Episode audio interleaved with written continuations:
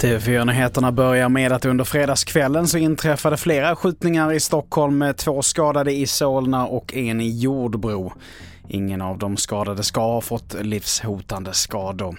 Polisen utreder samtliga händelser som mordförsök.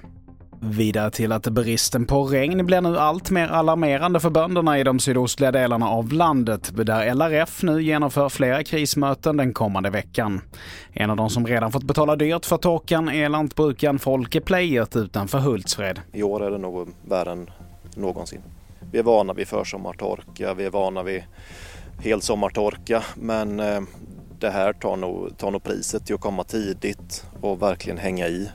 Vi kanske har en vecka, tio dagar till innan det blir liksom skador som inte går att reparera beroende på torkan.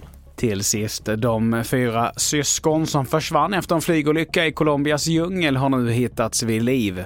Barnen försvann från flygplansvraket för 40 dagar sedan där man ombord hittade mamman, piloten och ytterligare en vuxen död. Man har länge varit tveksamma till att barnen skulle ha överlevt men i landet så råder nu nationell glädje. Fler nyheter hittar du på tv4.se. Jag heter Mattias Nordgren.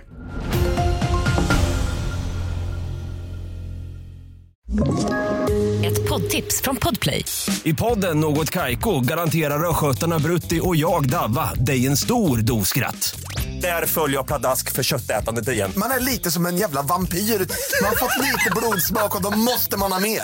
Udda spaningar, fängslande anekdoter och en och annan arg rant. Jag måste ha mitt kaffe på morgonen för annars är jag ingen trevlig människa. Då är du ingen trevlig människa, punkt. Något Kaiko, hör du på Podplay. Därför är gardinerna.